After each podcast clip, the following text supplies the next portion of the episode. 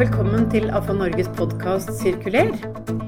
Mitt navn er Nancy Strand, og gjest i dag er Christopher Pink fra Eideklyngen. Velkommen til deg. Ja, tusen takk for invitasjonen, Nancy.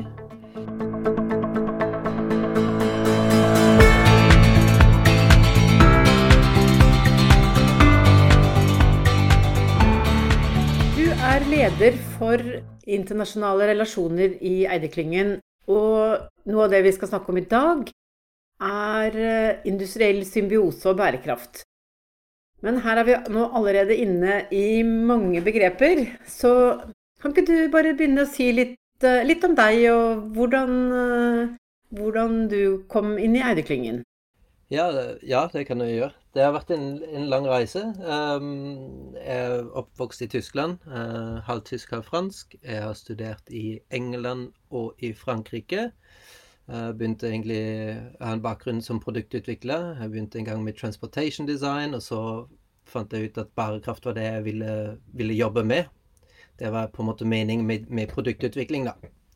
Um, så fant jeg i 2002 fant jeg et kurs som gikk i England på design, designing, design for sustainability. Og da fant jeg ut at det, det, var, det var det jeg vil. Og det fantes bare én kurs i Europa på, den tid, på det tidspunktet. Så dro jeg da dit. Jeg var i Frankrike på den tida, så flyttet jeg til England. Og har da, som sagt, siden 2002-2003 jobba med barekraft i forskjellige sammenheng. Eller krysningspunkt barekraft, produktutvikling, innovasjonstenkning osv. Så, videre. Ja, så jeg jobber Så ja. Og nå jobber du med, med bærekraft i, i forhold til prosessindustrien særlig, da? Ja, det har nå vært de siste fem år. Så jeg jobber som arkitekt, eller arkitektlærling, må man jo da si. Um, og i byutviklingsprosjekter. eh, jeg har vært selvstendig næringsdriv egentlig hele mitt liv fram til 1. januar i år. Da jeg takket ja til en fast stilling. Men nå de siste fem år har jeg jobba nesten eksklusivt med Eller trappet opp, da, til å bli nesten eksklusivt fra Eideklyngen. Ja. Mm. Så, så Men du tok noen valg da, som eh, i sin tid, og det det er jo som du sier at den gangen, da, da var det, da var det det ene kurset. Og det kan vi vel slå fast er en veldig, veldig stor forandring i dag. Nå er jo det å jobbe med industri og bærekraft eh, på en måte på alles lepper. Men, eh, men var det noe spesielt som eh, Eller var det mange resultater av mange, mange prosesser og mange tanker som fikk deg inn i det å jobbe med bærekraft? Tja, var det noe Jeg vet ikke. Jeg tror jeg, jeg så sammenheng at produktutvikling ligger litt sånn i, i Har nøkkelfunksjon egentlig i, i bærekraftsdimensjonen. Jeg tror man anslår at, cirka, at over 80% eller rundt opp til 85% av alle eh, miljøaspektene til et produkt bestemmes egentlig i produktutviklingsfasen. Hvilke materialer du bruker, hvordan de er satt sammen. Um, hvilke forretningsmodeller du egentlig tjener med det produktet osv. Um, jeg har ikke ble litt sånn Det var ganske tidlig, selvfølgelig, som du egentlig påpeker òg. Så det kom jo et punkt, vil jeg si, i 2012-13 der omkring, hvor jeg, hvor jeg rett og slett ga opp. Min plan var jo å jobbe som bærekraftskonsulent, men som ung utlending uten nettverk flytte til Norge. Um, var det jo litt eh, Hva skal man si Litt naivt, kanskje, å tro at uh, det skulle gå. Uh, så jeg, jeg ga rett og slett opp. Jeg ble gartner isteden. Um, noe som jeg trivdes med og, og har lyst på å gjøre. Eh, men så kom da Eideklyngen og spurte var en ansatt i Eideklyngen som kjente meg fra før, og spurte om jeg kunne hjelpe dem. Og så begynte jeg. og så OK, ja. Og så holdt jeg et innlegg på et lederforum, og så utviklet det seg egentlig til der hvor vi er i dag. Så det er Ja. de siste fem år på to minutter. Ja, ikke sant? Ja, kjempebra. Altså, jeg vil jo si at eh, jeg har vel vært med en liten stund i dette selv, og når vi begynte å snakke om, om design, design, for gjenvinning, var jo på en måte et sånt begrep innenfor eh, avfalls- og gjenvinningsbransjen. da. Um, og det eh, fikk på en måte Jeg vet ikke, men vi er flere som har vært med en stund som sier at ja, vi tenkte jo disse tankene før, om vi, det fikk liksom ikke noe Det materialiserte seg ikke. Men nå har den forståelsen nådd et slags, et slags kritisk punkt, da. Hvor um, det er på en måte Nå høres det helt opplagt ut. Um, men jeg syns det, det, er kanskje et av de beste gjennomslagene. Den forståelsen for hvor viktig det er å tenke helt fra starten av. Da. Så det er jo um, Jeg syns det er utrolig positivt nå at, er, at nettopp prosessindustrien og at Eide-klyngen står så sentralt inn i det å utvikle samarbeidet med avfalls- og gjenvinningsbransjen, som skal sørge for at dette Eh, blir til kretsløp, at, eh, at, vi holder materialene i omløp, og, og, at vi sammen ser på hvordan vi skal få det til. da. Ja, prosessindustrien har jo en veldig sentral rolle selvfølgelig òg. Eh, hvis vi tenker at alle produktene vi omgir oss med, er jo laga Har gått gjennom en Eller de fleste, selvfølgelig. altså Trevirke kan man kanskje Eh, en litt annen type. Men de aller fleste produktene går jo via, gjennom en fabrikk. Det er jo råmaterialer som blir produsert, som blir skaffet fram, som tradisjonelt sett blir jo utvunnet enten fra en gruve eller en annen virksomhet, og som går gjennom alle disse stegene i de verdikjedene. Uh, men alt går jo gjennom prosessindustrien. Det er jo den metabolismen av vår materialegjennomstrømning i økonomien. Den, den, det er jo en kjernepunkt, da. Så det er det som er så spennende med å jobbe for prosessindustrien, kan jeg si. Mm, ja. Men du har også en, en særlig rolle i, i Eideklyngen, og det hører vi jo av bakgrunnen din, at du har eh, god, et godt utgangspunkt for å jobbe, jobbe i, med europeiske prosjekter. Um, for å si det sånn. Så du er jo også mye engasjert i, i EU-prosjekter og, og, gjennom samarbeid i Brussel. Så er det noen av de, de europeiske initiativene som du har lyst til å trekke fra? Ja, det, det, er jo en del altså, Hvis vi tenker liksom hvor mye som rører seg nå, og særlig nå de siste to årene med en ny EU-kommisjon under Ursula von der Leyen, så har jo tempoen gått opp. Det er jo helt klart. Um, det har kommet ekstremt Eller ikke ekstremt ambisiøse, men eh, man holder på å si det er veldig ambisiøst, men samtidig er det jo ting som, som vi egentlig har venta på i 10-15-20 år.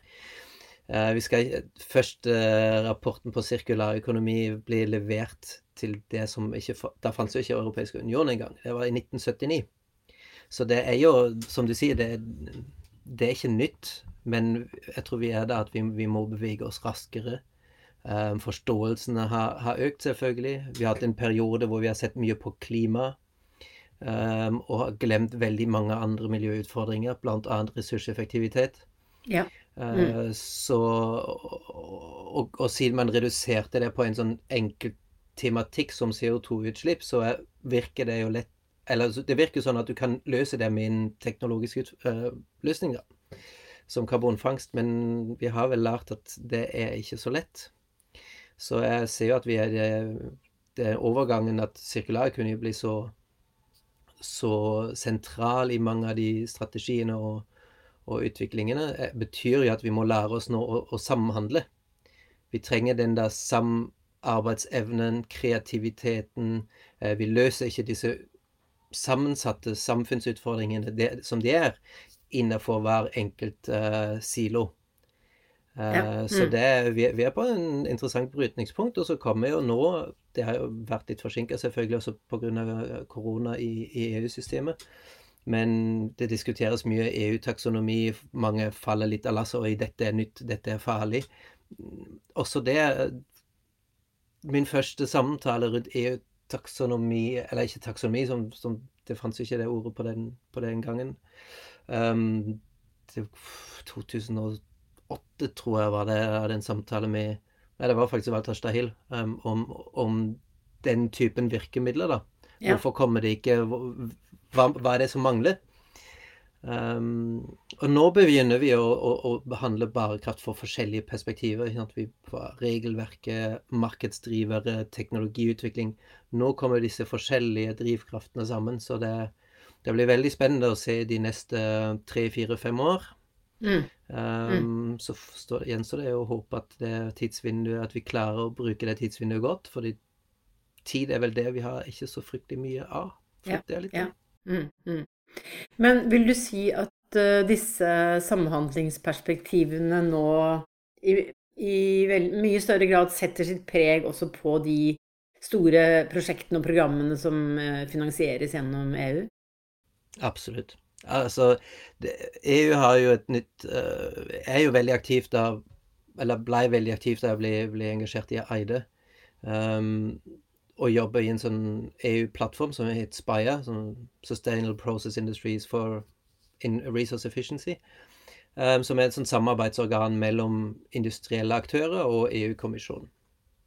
Så på en måte er det en, en type lobbyvirksomhet, på den andre er er det også der på en måte gulrøttene kommer. Men det som man må ikke glemme i EU-system, som er litt, litt annerledes for Nå holdt jeg på å si oss nordmenn, men la det stå sånn. Ja, fint. Um, hvor det er lenge nok. Um, dette er jo veldig top down. Du må forstå hva, hva er det som kreves. Hva er det sånn effekten vi ønsker å oppnå? Um, og det handler mye mer enn før om effekter. Så det kommer først, og så hvordan oppnår vi den? Det krever samhandling. Samhandling i en global perspektiv er ganske krevende, så vi ser jo at mye fokus uh, som er nytt nå, eh, i prosessindustrien handler om regional samhandlingsstrukturer. Da. Ja. Mm, Eh, mm. på, på spillenergi, på sidestrømmer, eh, om det er materiale, om det er vannrelatert. eh, forretningsmodeller som krysser offentlig, privat. eh, ja. Joint Mm. ventures, public-private partnerships, kall det hva du vil. Ja. Men også at regelverk og etterspørsel fra offentlig side må spille sammen på det. Så, så Mm. det er absolutt altså det samspillet ehm, Der ligger EU ligger litt foran oss i, i Norge. Ja, mm. I en måte altså utformingen av virkemidlene. Ja, det kreves det som kalles for synergies. ikke sant? Um, Mm. En av de tingene, f.eks., hvilken rolle har I dette tilfellet det er offentlig anskaffelse, men ikke sant, innkjøpskraft. Uh, hvordan kan vi innrette innkjøpskraft at de faktisk lager en, en, en markedsgrunnlag for disse ja, sidestrømmer, eller for, for ressurseffektivitet. Mm. Mm. Fordi så lenge vi bare etterspør det billigste, så, så er jo markedet ikke innrettet sånn at det lønner seg å produsere grønt. Det, vi, er, vi er jo ikke der i dag ennå. Nei. Mm. Så Men dessverre. et, et, et tema som i hvert fall for Norge, da, som bransjeorganisasjon, har snakket med Innovasjon Norge om lenge, er jo at eh, si, investeringene eller innovasjonen skjer i ett selskap, mens verdiskapingen skjer i et annet. Um, sånn at, og da henger det ikke dette sammen. Um, og der kommer virkemiddelapparatet litt i kort, sånn som jeg opplever det. Fordi jeg er veldig innrettet mot én og én bedrift. Eller veldig mange av virkemidlene er innrettet mot én og én bedrift.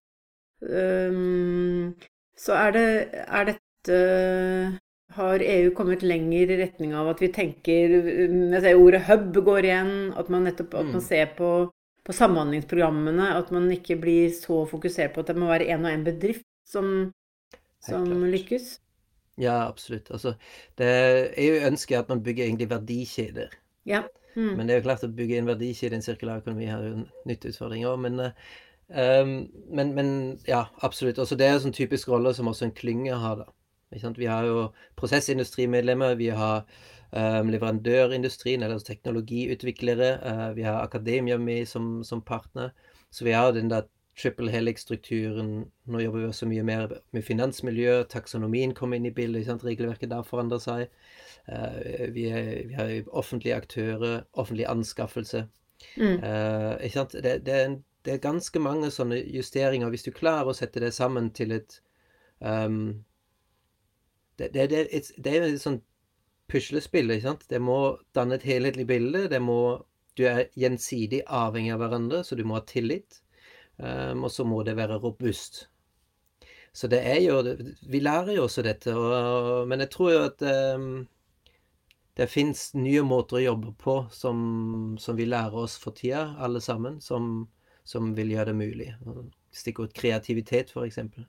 Forestille deg ikke bare hva ønsker du å unngå i dagens utvikling, men også tenke liksom hvor er det vi egentlig skal hen? At man er målrettet og, og etter, går på den veien. Så, så sånn sett så er, tror jeg EU legger det egentlig ganske bra til rette. Ja. Mm. Men du nevnte regionale, og, og hvor, hva er en region?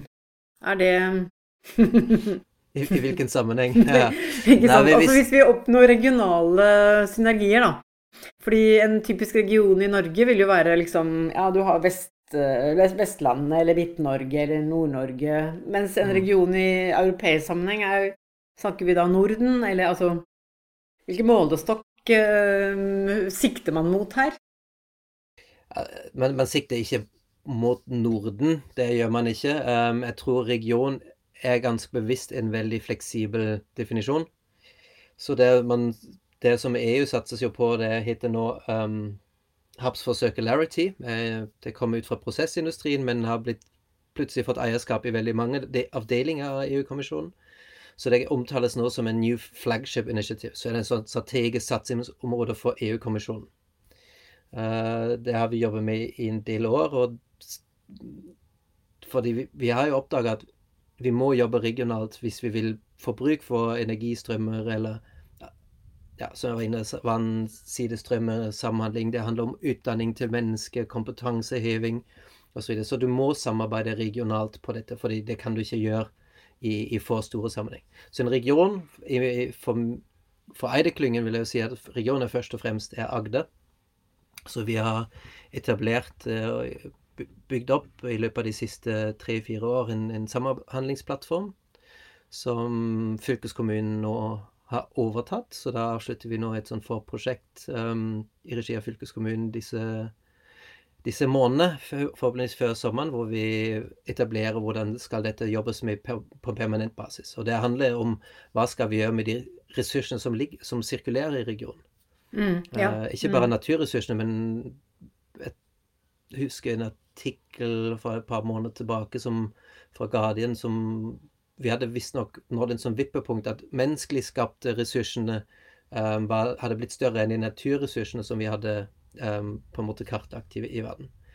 Så, så det er jo klart, det er jo materiale som er, som er i bruk, men de ligger jo der. Vi kan jo Mm. utnytte de, eller de, om de er avfallsstrømmer. Så det er litt sånn den rollen da til et sånn regionalt samhandlingsarena der vi offentlige aktører, vi har Arendal kommune, Kristiansand kommune, vi har fylkeskommune, universitetet og forskjellige klyngeorganisasjoner, eh, eller nettverksfunksjoner, da, som kan sette sammen innovative entreprenører, eh, ressursstrømmene, men også på tvers av regioner. Da. Så hvordan tror du Er det Så dere har jobbet mye i området deres, altså i Agder. Er det Vi ser jo flere og flere klynger eh, ser dagens lys. Så er det, er det noen modeller her som man kan tenke seg at man kan eh, si, eksportere til andre regioner, eller bruke det EU-initiativet med disse um, regional hubs? Ja, det kan man absolutt gjøre. Når vi begynte å, å sette opp et sånn regionalt prosjekt, eller så behov for det der større samarbeid, eh, eller breiere, ikke større, men breiere, horisontalt, tverrsektoriell, så utdyper vi en kontakt vi hadde fått fra før med, med Kalundborg i, i Danmark og eh, en universitet i Sverige, Linköping universitet. Eh, en annen industriklynge i Sverige, Paper Province, og to partnere i Finland, bl.a. Sitra, som er jo innovasjonsfondet eh, i, i, Finland, som også er kalles jo verdensledende organisasjon i det sirkulære skiftet osv. Mm. Um, så de fikk vi med om bord, og så har vi danna et nordisk samarbeid, rett og slett, um, for å finne ut hvordan bygger man et sånn regional samhandlingsstruktur på best mulig måte. Uh, universitet i, i Linköping de har jo en tilgangs... Eller de har fasilitert veldig mange sånne regionale prosesser i løpet av de siste 15-20 år. Vært med på veldig, har veldig mye praktisk erfaring, rett og slett. Kalundborg selvfølgelig også.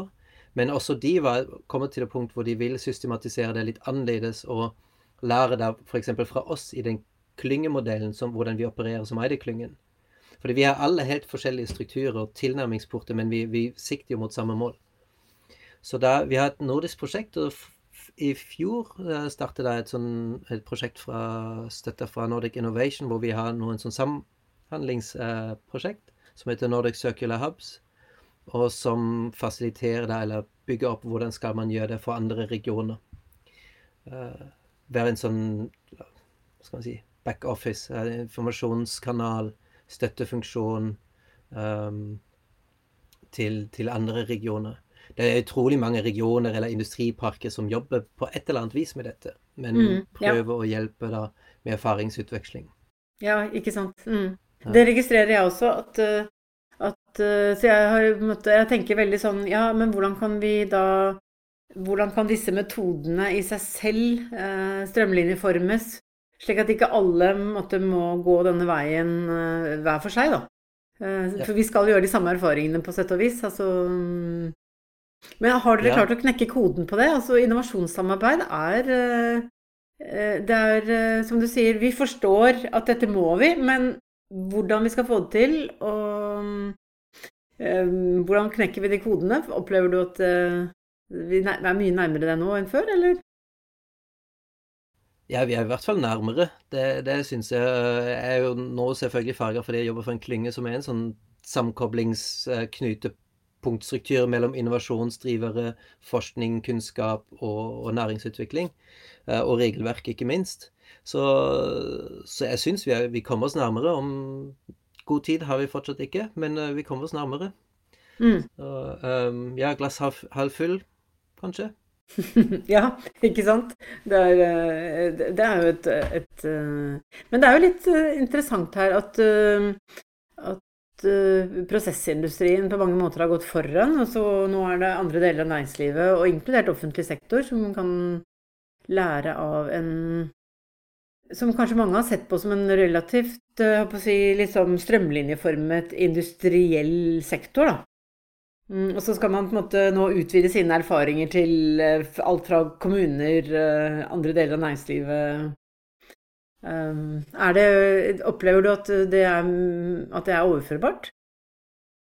Ja, visse erfaringer er overførbart, selvfølgelig. Visse erfaringer er kanskje ikke alltid overførbart. Um, prosessindustrien er jo sånn sett også spesielt, fordi vi er jo en leverandør til leverandørindustrien. sånn sett.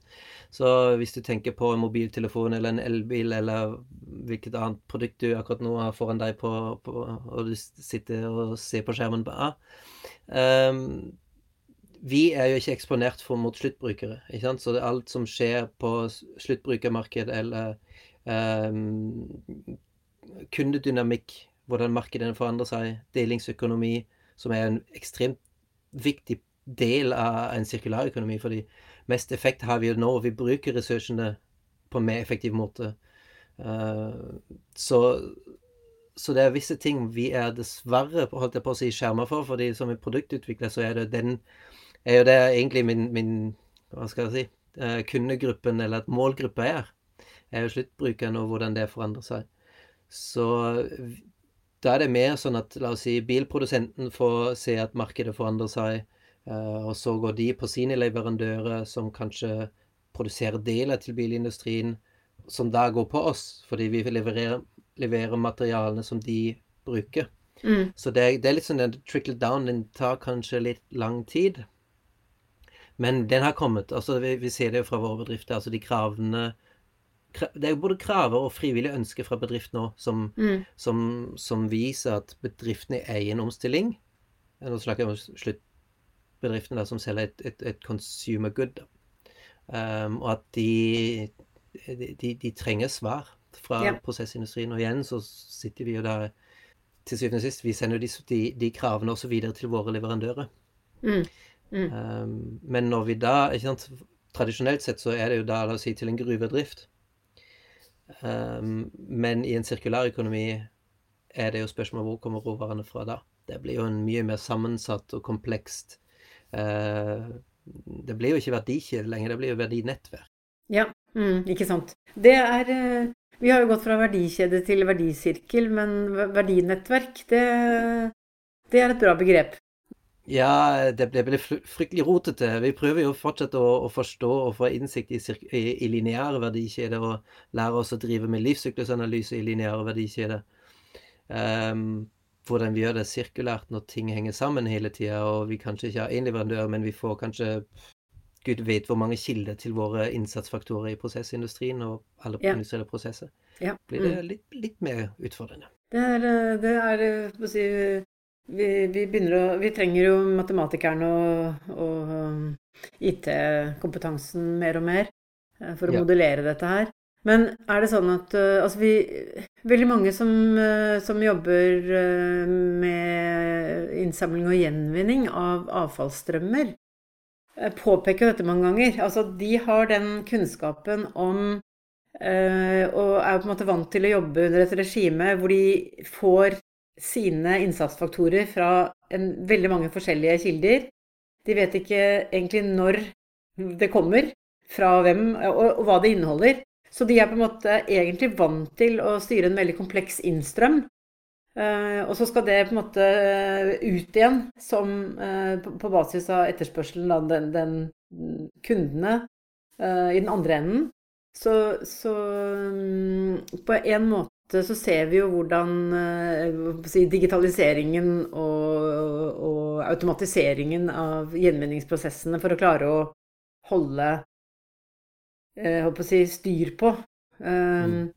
den kompleksiteten i, i produksjonsstrømmen, rett og slett. Da. Ja, Men det handler jo om transparens. Ja. Til syvende og mm. sist. Ikke sant? Ja. All, mm. all, alle de tingene vi etterspør, vi, vi ønsker å vite hva effekt av La oss si bruke nye innsatsfaktorer i våre produkter. Ikke sant? Hvor kommer de fra? Hva er inni de? Har du ikke transparens på de innsatsfaktorene, så er det veldig vanskelig å, å utvikle et bra produkt. Det det henger sammen med, med kvalitet. Det, det, henger sammen med alt. Så vi må bruke de digitale verktøyene vi har nå, for å skape transparens, transparens i, i, verdikjedene. Om de er mm. lineære eller sirkulære, spiller egentlig ingen rolle. Mm. Vi lærer det mest sannsynligvis sannsynlig med det lineære fordi det, det er liksom lavthengende frykt i forhold. Mm. Men um, det, det, det, er absolutt altså Uten digitalisering for å håndtere disse datastrømmene som det egentlig blir, så kommer vi til å slite i framtida ganske Vi får det ikke til. Altså det, mm. det er nøkkel, nøkkelaspekt i dette. Så, men Eh, det er jo noe med, med Som du, du, var inne på det Hva gjør man frivillig i gåseøynene, og hva gjør man som et eh, direkte resultat av etterspørsel? Det syns i hvert fall jeg har vært et tema innenfor miljø og bærekraft så lenge jeg, jeg har jobbet med det. Fordi på den ene siden så kan man si at det blir ikke realisert før du har en kunde, eller pålegg gjennom myndighetene, eller men jeg opplever nå at eh, det er en større grad av forståelse i næringslivet at det, du kan ikke egentlig sitte og vente på at du får dette som et I hvert fall ikke som et lovpålagt krav, eller dette er såpass opplagt etter hvert at disse kravene kommer. For å være føre var, så, så ja. må man gjøre ting frivillig, for å bruke det, bruke det begrepet. Det, Frivillig-ish, vil, vil, jeg si, i dagens verden. Uh, eh, EU har jo kommet med climate law, så hvis du bryter de, de, på en måte frivillige forpliktelsene vi hadde via, via Parisavtalen og Kyoto osv., um, ehm, de blir jo et, skal bli lov. Så hvis du ikke følger de forpliktelsene, hvis du faller av lasset da uh, på din omstilling, så bryter du rett og slett loven. Det er ganske drastisk. I Tyskland har det nå vært en rettssak um, rett og slett hm, mot politikere den er ganske interessant. Hvis politiske ambisjoner ikke oppfyller Parisavtalene, så du, kan du holdes ansvarlig juridisk. Selvfølgelig en utfordring også for en demokratisk uh, dialogbasert prosess osv. Men uh, altså uh, Lovgivningen forandrer seg òg. Så den pisken blir litt mer ubehagelig. Men samtidig så har vi Så vil vi alle egentlig i samme retning, så at vi ikke gjør det, gir jo ikke mening til, til syvende og sist. Så det, mm. Mm. Uh, men det er jo klart, vår økonomi er jo Eller vår samfunnsmodell er jo finjustert og innkjørt over en flere Man kan ikke snakke om tiår, det er jo flere århundre. Men dette her er jo en ganske grunnleggende omveltning som vi snakker om, så det mm. Ja, vi må ikke glemme det. Men jeg, jeg, det er jo litt ulike syn på, på EU-samarbeidet i Norge, men men eh, jeg leste akkurat en som mente at eh, det faktum at EU har en såpass eh, tungt byråkrati, da, mm. som, som jobber hele tiden fram nye reguleringer på, på, egentlig veldig mange ulike nivåer, at det i seg selv blir en veldig viktig drivkraft her. Jeg vet ikke Stemmer det med sånn som du mm, opplever å jobbe opp mot EU-systemet? Ja. Altså det, det, det, det er en, Altså for, for, min del er det én overskyggende faktor som gjør som hvorfor jeg bare svarer ja. EU er en stor marked med stor kjøp, kjøpskraft. Så den er attraktiv for alle globale aktørene. Så regelverk som gjelder for Europa, må tvangs må egentlig alle bedriftene forholde seg til. De som ønsker å være til stede på markedet.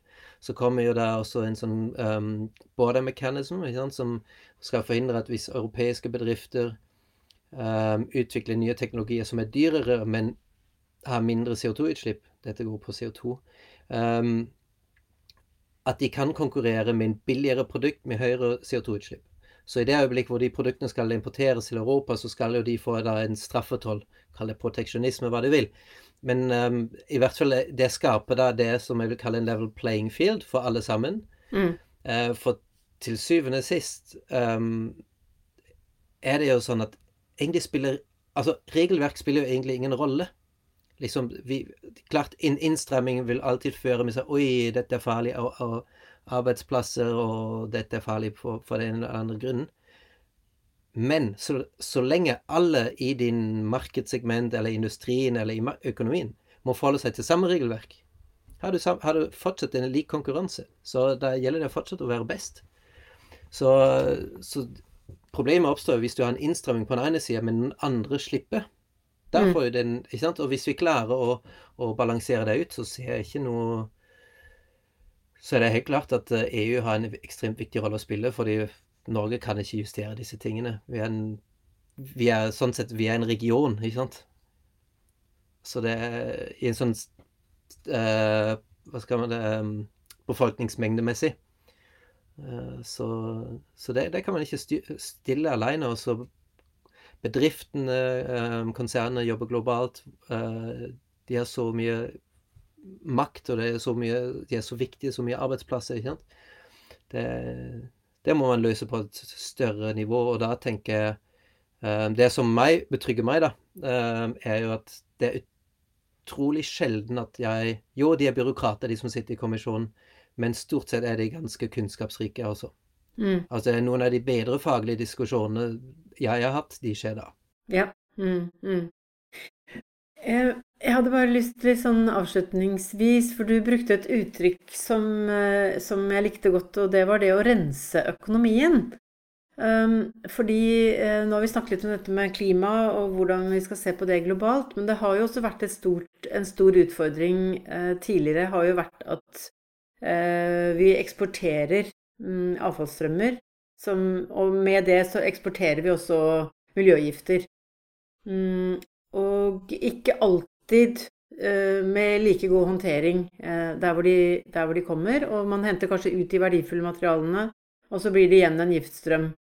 Som, eller miljø, miljøgifter som, som, havner ut i, i miljø og natur uh, i andre deler av verden til dels med kriminell virksomhet, men dog et, en utfordring som, som så hvordan, eh, hvordan kan man se for seg at dette også blir en del av den samhandlingen og den kreativiteten som du snakker om nå, eh, koblet til um, sirkulærøkonomi og bærekraft? Um. Jeg, jeg, tror det som, som gjelder nå for tida, eller for, for de neste årene, da um, og så, som dette det med å rense økonomien, eller clean it up um, de materialene som kommer tilbake nå, som vi ønsker at de går i en ny sirkulær um, produkt eller sirkulær kretsløp, de materialene må vi jo produsere på en måte sånn at det kan, kan skje lett. Det som er dagens utfordring, er at vi lager utrolig mange sammensatte kompositter osv. med ukjente um, elementer, ofte giftstoffer. Og det, det, er jo det som gjør det dyrt å resirkulere det, og krevende å gjøre det dyrt å gjøre det en sirkulær omstilling. Så det vi må gjøre nå, er å ta ut de giftstoffene som vi ikke ønsker å ha i omløp, om det er gammeldagse flammehemmere eller hva det nå er. Men ta de ut av sirkulasjonen. sånn at de neste generasjons produkter kan sirkuleres lettere og med mindre um, effort, eller med mindre, mindre input. Mm. Så, så, det tror jeg det er en, en nøkkelfunksjon vi har nå. Og det er også noe som i det, i det store løpet så er jo sant, Regelverket er jo, og altså miljøbevegelsen, har veldig vært fokusert på det med, med giftstoffer sant, og utslipp. Uh, det er jo litt sånn, kan du si, litt det tradisjonelle. Og så kommer det opp, i, som har gitt oss sirkulær satsing, er jo det med ressurseffektivitet. At vi forbruker så for mye ressurser. Uansett om de er giftige eller ikke, men, men vi har på den ene sida det, det kvanta, og på den andre har vi kvaliteten. da. Uh, men i sirkulærøkonomi må vi bringe de sammen, rett og slett. Fordi det er to bevegelser som ikke alltid har samme målsetting, men, men, her må vi gjøre det samme. Så Og da det, slår vi to uh, utfordringer med på én måte, da. Mm, ja. Ja, det, det, er vel kanskje nettopp derfor uh, Jeg tror det er en veldig sånn gjensidig interesse nå fra, fra prosessindustri og avfalls- og gjenvinningsaktørene. At uh, vi har nytte av hverandres kompetanse og store muligheter som ligger i samhandling mellom disse to næringsgrenene, for å, for å kalle det det. Mm. jeg er helt enig. Fordi de framtidens eh, material eh, Feedstock, hva heter det? Liksom, eller in, innsatsfaktorene. De kommer jo fra, fra recyclingbransjen. Mm. Selv om resirkulering på en måte er den ytterste loopen i en sirkulær økonomi, så har du deling og vedlikehold og alle de bitene før, som har en enda større miljøeffekt, først og fremst. Men vi må få materialet tilbake. Og der kommer vi også inn, og det relaterer også til punktet før. det den kriteriet der som man diskuterer så mye, var end of waste. Når en avfall ikke er en avfall lenger. Og det er jo klart Den kriterium, kriterium blir jo satt i forhold til giftstoffet i produktene. Mens vi nå ønsker å ta flere avfallsstoffer i bruk. Mm. Hvis vi holder oss på den biten. Men så, så, kan vi bare, etter min mening, da, vi kan bare argumentere for å flytte på den end of waste-kriteriet hvis vi samtidig renser opp har du virkelig rensa opp et avfallsstrøm, så er det ingen vitenskapelig argument du kan ha for at det skal fortsatt defineres som en avfall. Men du må ta den rensebiten. Så, så det ene må ikke gå på bekostning for, av det andre, for ellers så lager vi bare nye utfordringer for oss sjøl, eller for neste generasjon. Ja. Um, så vi må løse de to ting hånd i hånd.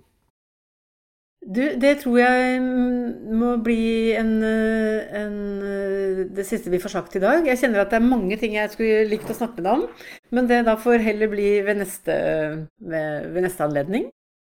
Så får, får vi gjøre det, ja. ja. Enig. Så bra. Eh, da må vi bare si eh, tusen takk, og takk til Håkon Bratland, som har vært produsent i dag. Takk til alle dere som har hørt på. Vi høres. Ha det bra. Ha det bra. Tusen takk for invitasjonen.